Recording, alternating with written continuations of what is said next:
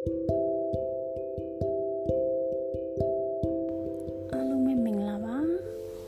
အခုပထမဆုံး podcast ကိုအတူဆုံးစံပိုက်ကလေးတစ်ပိုက်ဖတ်ပြချင်ပါတယ်ဆရာမြတ်တင်တင်ရေးထားတဲ့မိမတို့ကြောင်းဆိုတဲ့စာအုပ်ထဲကကောက်နှုတ်ချက်လေးပါ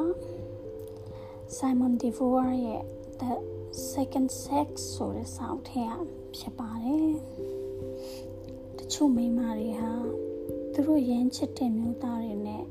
ခဝဝေးနေတတ်ကြတယ်သူတို့အတွက်တော့အဲ့ဒီလိုဟာအိမ်မထဲကရွှေမင်းသားပဲသူ့ရဲ့စဉ်းစားတွေးခေါ်ပုံတွေကကိုထက်မြင်မာတယ်သူ့ရဲ့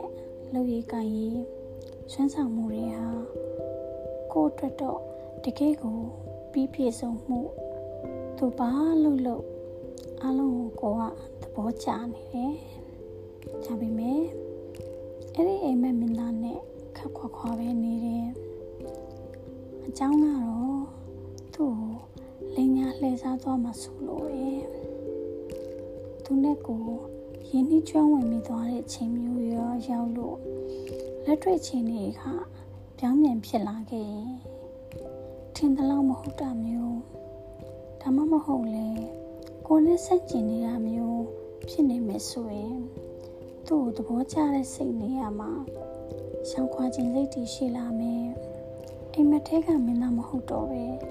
တာမန်ယောက်ျားတစ်ယောက်ဖြစ်သွားမယ်အိမ်မက်တည်ဖြစ်ပြသွားပြီးသူ့ကိုနာကျင်စေတဲ့သူဖြစ်ဆက်ဆုံမုန်းတည်သွားလိမ့်မယ်တခြားသူတွေကိုမုန်းတာထက် ပိုးပြီးတော့မုန်းတီးသွားမိလိမ့်မယ်ကိုထင်ကြီးတဲ့သူကိုကိုလှည့်စားသွားမှဆိုလို့ခက်ခွာခွာကနေပဲ